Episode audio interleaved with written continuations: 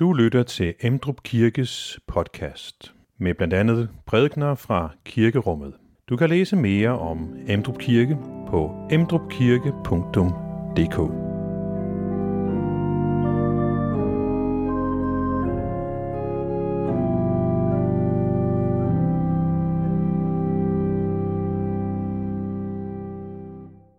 I dag er der også en anden ting, og det er nemlig, at vi har besøg af nogens et, to, hvis navne I har hørt stort set hver søndag. Fordi her i kirken, der beder vi for Lotte og Bjarne i Etiopien, plejer vi at sige. I dag må vi sige Lotte og Bjarne i Emdrup, for de er til stede. Bjarne sidder her på forreste bænk. Lotte sidder lidt længere tilbage. I skal nok stifte nærmere bekendtskab med dem. Bjarne får I lov til at høre under selve gudstjenesten. Det er nemlig ham, der skal prædike. Og Bjørn, du har sat en overskrift, helte og skurke i Bibelen. Kan du fortælle os en lille smule om, hvad det er? Jamen, ganske kort, så er det jo fordi, at øh, hvis man er vant til at læse i det nye testamente, så finder man ret hurtigt ud af, at farisæerne er altid skurkene. Og helten er til synlande toller og synder og alle dem, der ikke kan, kan finde ud af at leve, som vi synes, de skulle. Øh, og det er måske ikke altid lige logisk, hvorfor det er det, det, er det ene hold, der er helten, og de andre, der, der er skurkene. Så det prøver jeg at sige lidt om. Ja, det hører vi nærmere om, når vi kommer til prædiken.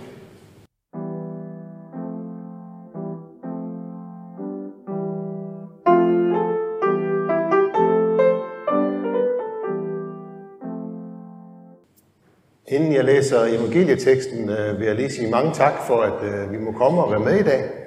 Øh, nu er vi blevet corona-aflyst et par gange, så det var dejligt, at det endelig kunne lykkes. Øh, og også rigtig mange tak for, at, øh, at I har os med i jeres kirkebøn hver søndag. Det plejer vi at sige, det er en af de største velsignelser ved at være, være sendt ud af kirken, det er, at vi ved, at der er rigtig mange mennesker, der beder for os og for vores, øh, for vores arbejde. Også en masse mennesker, vi ikke kender. Tusind tak for det.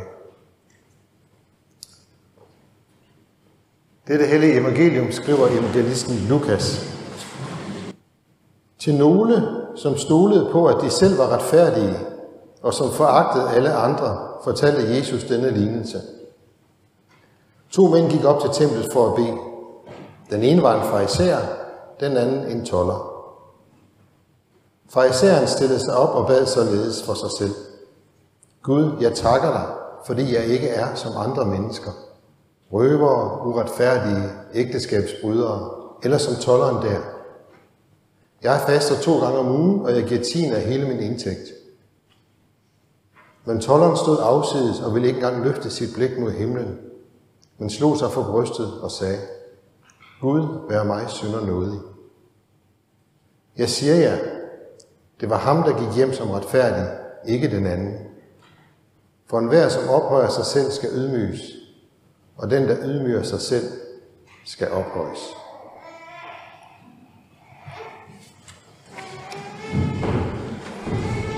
Vi vil lige øh, bede ganske kort sammen. Gud, vor himmelske far skaber, Jesus, vor bror og frelser, Helligånd, vor leder og hjælper. Tak for, at du har lovet at være sammen med os, når vi er sammen med dit navn, og tak for, at det betyder, at du er her nu. Vi beder dig hjælpe os til at få lov til at føle dit nærvær her i kirken i dag. Og vil du gøre det sådan, at vi må blive klogere på, hvem du er, og på, hvem vi selv er. Amen.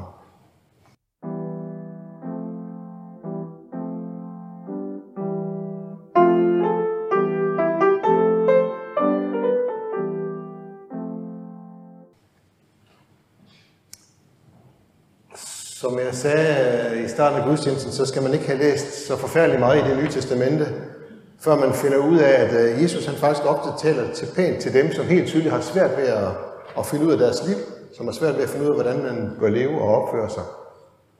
Og på den anden side, så kan han virkelig gå i flæske øh, på dem, som forsøger efter bedste evne at, at gøre alt det rigtige.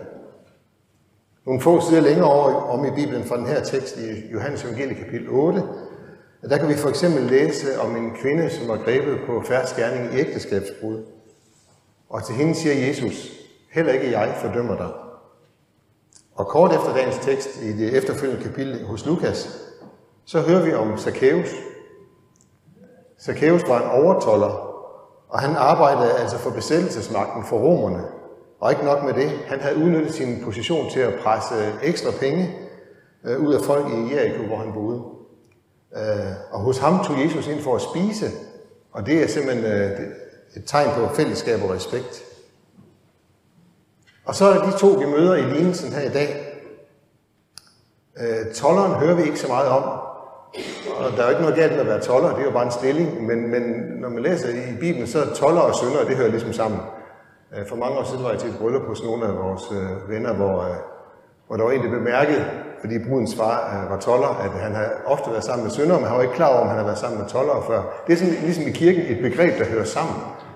Øh, og det er måske lidt synd for de, øh, for de retfærdige toller, men sådan er det bare. Øh, og tollerne var i hvert fald øh, Zacchaeus. Tollerne var kendt for at, at ikke være helt, helt fine i kanten.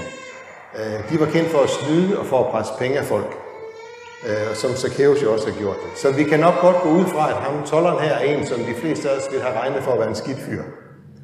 Øh, og i hvert fald så kalder han jo også sig selv for en sønder. Farisæerne derimod, de gik meget, faktisk rigtig meget, op i at leve det rigtige liv, det pæne liv, og gøre de rigtige ting. De var meget opmærksomme på, hvad de gjorde, og hvad de ikke gjorde. Fordi de virkelig kæmpede for at leve så meget efter Guds bud, som det overhovedet var muligt. Og ham vi møder her, han var jo tydeligvis ikke nogen undtagelse. Han fastede to gange om ugen, og han gav en tiendel af alt, hvad han tjente til tempel- og synagogetjenesten, eller måske også som almist til fattige. Jeg ved ikke lige, hvordan tiende systemet var indrettet, men i hvert fald så gav han en, en tiende del af sin indtægt øh, til, til, øh, til de fattige og til, øh, til, til, til templet dengang. Øh, og han er helt sikkert styr over det. Den her fariser, han havde med stor sandsynlighed øh, bedt Gud om hjælp til at leve fromt og rigtigt. Øh, og nu takkede han så Gud for, at hans bøn var blevet hørt, at det rent faktisk var lykkedes for ham. Hvordan kan det være forkert? Hvordan kan det være ham, der er skurken i fortællingen her? Burde det ikke være ham, der var helten? Det er ham, der vil alt det rigtige. Jeg tror, problemet ligger i, at øh, den her fariser øh, gør det samme, som vi meget ofte gør. Han laver en, øh, en fejlslutning, fordi han tror, at det han gør, det definerer, hvem han er i Guds øjne. Øh, fejlslutninger kender vi flere af. Logisk set, så er det her ikke så slemt, som, som den mest kendte, jeg lige kender, det er den fra Ludvig Holbergs Erasmus Montanus, hvor, hvor Rasmus, som nu hedder Erasmus, siger, øh, en sten kan ikke flyve, mor lille kan ikke flyve, ergo er mor lille en sten. Det er, det er jo en fejlslutning, vi kan tage og forholde os til. Øh, så logisk set, så er farisæerens fejlslutning jo ikke, ikke så slem som den. Men åndeligt set, så er den faktisk langt værre. Han tror, at han er et bedre menneske i Guds øjne, fordi det lykkes ham at gøre gode ting, fordi det lykkes ham at leve pænt, fordi det lykkes ham at, at leve et rigtigt liv. Og han bruger faktisk det, at han, det han gør, det at han faster to gange om ugen, det at han giver tiende af sin indtægt, som argument for, at han ikke er som andre mennesker. At han ikke er som røverne. Han ikke er som de uretfærdige ægteskabsbryderne, eller som den toller, der står ved siden af ham i templet. Og det er jo helt sikkert, helt sikkert rigtigt, at han faster, og at han, øh, og han giver tiende. Og det er jo ubestrideligt godt at gøre gode ting. Øh, jeg er ret sikker på, at Jesu formål med den her lignelse ikke er at fortælle os, at vi skal holde op med at gøre gode ting, vi skal holde op med at, leve et godt liv. Øh, det er rigtigt. Det er gode ting. Men det, der ikke er korrekt, det er, at, øh, at han ikke er som andre mennesker i Guds øjne. Øh, når han siger, at han ikke er som andre mennesker, røver, ægteskabsbrydere og andre grimme personager af forskellige slags, som vi nu kan komme i tanke om. Han er nøjagtig som dem, og som os. Når Gud ser på os, så afgør det, hvem vi er og hvad vi er. Det afgøres ikke af, hvad vi gør. Øh, det er meget normalt, øh, ikke mindst i vores del af verden, at, øh, at man finder sin identitet i sit, øh, i sit job, øh, hvad vi arbejder med. når vi præsenterer os for hinanden, så kommer det ofte ret hurtigt, øh, jeg er sygeplejerske, jeg er lærer, jeg er læge, hvad det nu måtte være. Men hvis det er ligesom det, der giver os vores identitet, så er der en del problemer i det. Øhm, et af problemerne er jo, at de her øh, forskellige titler, de giver ikke lige mange point. Det er finere at være noget, end det er at være noget andet. Øhm, og et andet problem, som måske er større, det er, at hvis man så mister sit job, så mister man også sin, sin identitet, eller i hvert fald noget af den. Øh, sådan er det heldigvis ikke i Guds rige. Som en kristen, altså som en, der tror, at Jesus er min frelser og herre, så er min primære identitet, at jeg er Guds barn. Hvem jeg er, afhænger ikke af, hvad mit job er, hvad jeg gør, om jeg faster, om jeg giver tiende, eller er noget som helst andet, jeg gør eller har gjort. Hvem jeg er i Guds øjne afhænger udelukkende af, hvad Gud har gjort. Hvad Jesus har gjort. Ingen af os er værdige, eller kan på nogen måde gøre os værdige til at være Gud nær. Når det kommer til stykket, så vil vi øh, egentlig alle sammen bare os selv. Øh, og vi vender gang på gang Gud ryggen, og vi går vores egne veje. Men fordi Gud han er hellig, Gud er ukrænkelig, så betyder vores uvilje mod at adlyde ham faktisk, at vi ikke kan være sammen med ham. Fordi Gud er ren, så kan Gud ikke være sammen med noget, der er urent, eller nogen, der er uren. Og det er vi i os selv, fordi vi ikke holder hans bud. Og hans bud til os er dybest set, at vi skal elske os selv, og vi skal elske hinanden. Eller han siger, at vi skal elske hinanden, som vi elsker os selv, så det hænger lidt sammen. Øhm, kun fordi Jesus, da han døde på korset, tog straffen for vores ulydighed på sig, øhm, kan vi tåle at være sammen med Gud. Kan vi tåle at være sammen med den hellige Gud. Da Jesus dør og opstår igen, så sker det, som øh, blandt andre Luther har kaldt et, et saligt bytte.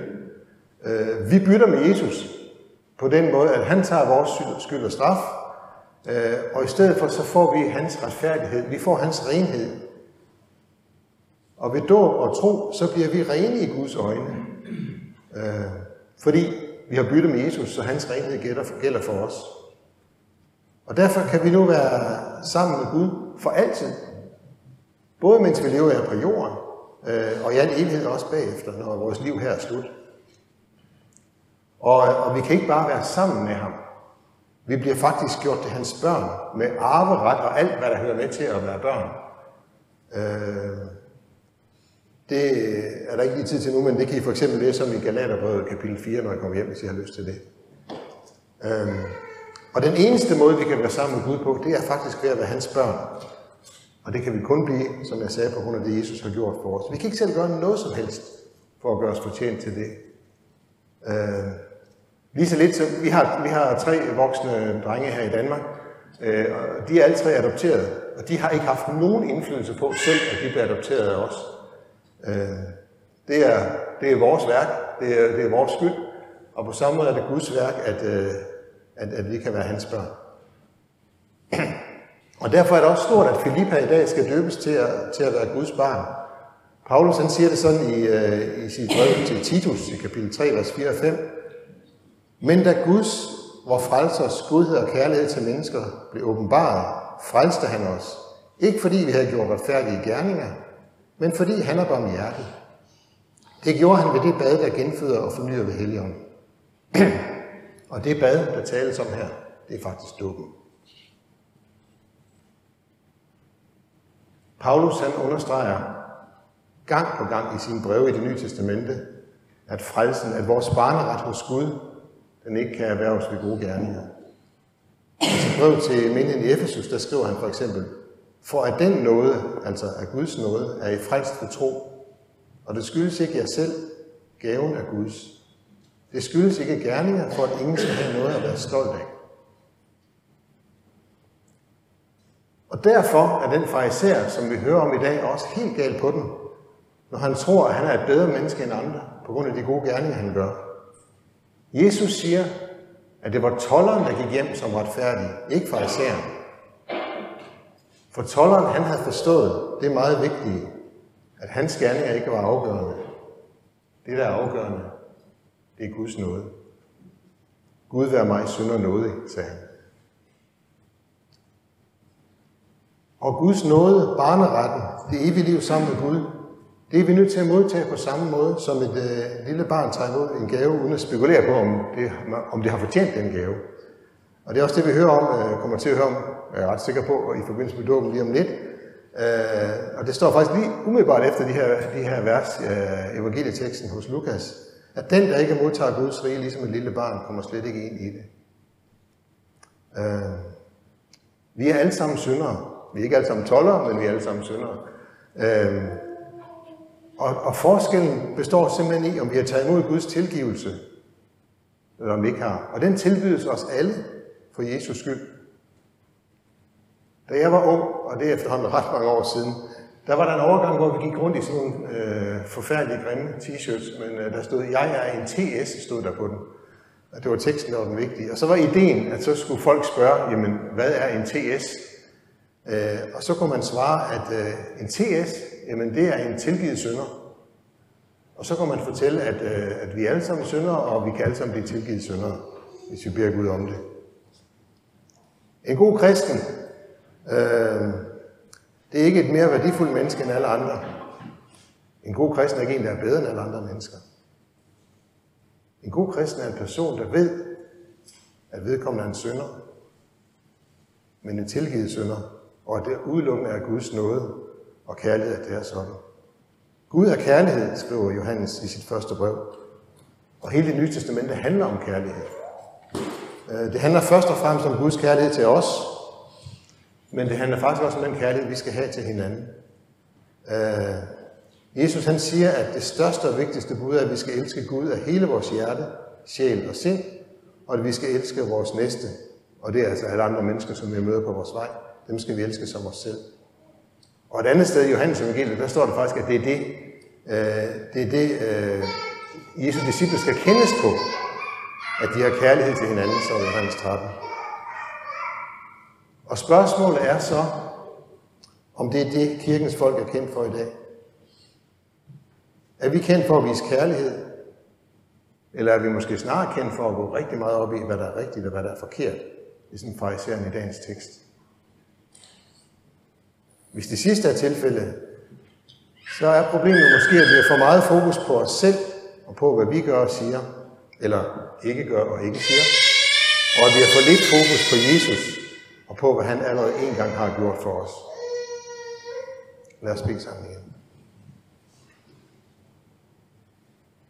Tak, Jesus, for at have offret dit liv for at give os det største. Fællesskab med vores far i himlen. Og tak, far i himlen, for at have inviteret os ind i din familie, i din kærlighedsrelation. Tak for, at du altid ønsker at være sammen med os og have tæt fællesskab med os. Tak for det salige bytte. Tak for din ufattelige gave til os. Hjælp os til at turde leve på det og dø på det, så vi kan bruge vores tid og vores kræfter på at være noget for andre mennesker, i stedet for at bruge dem på at forsøge at retfærdiggøre os selv over for dig. Amen. Find flere podcast og læs mere på emdrupkirke.dk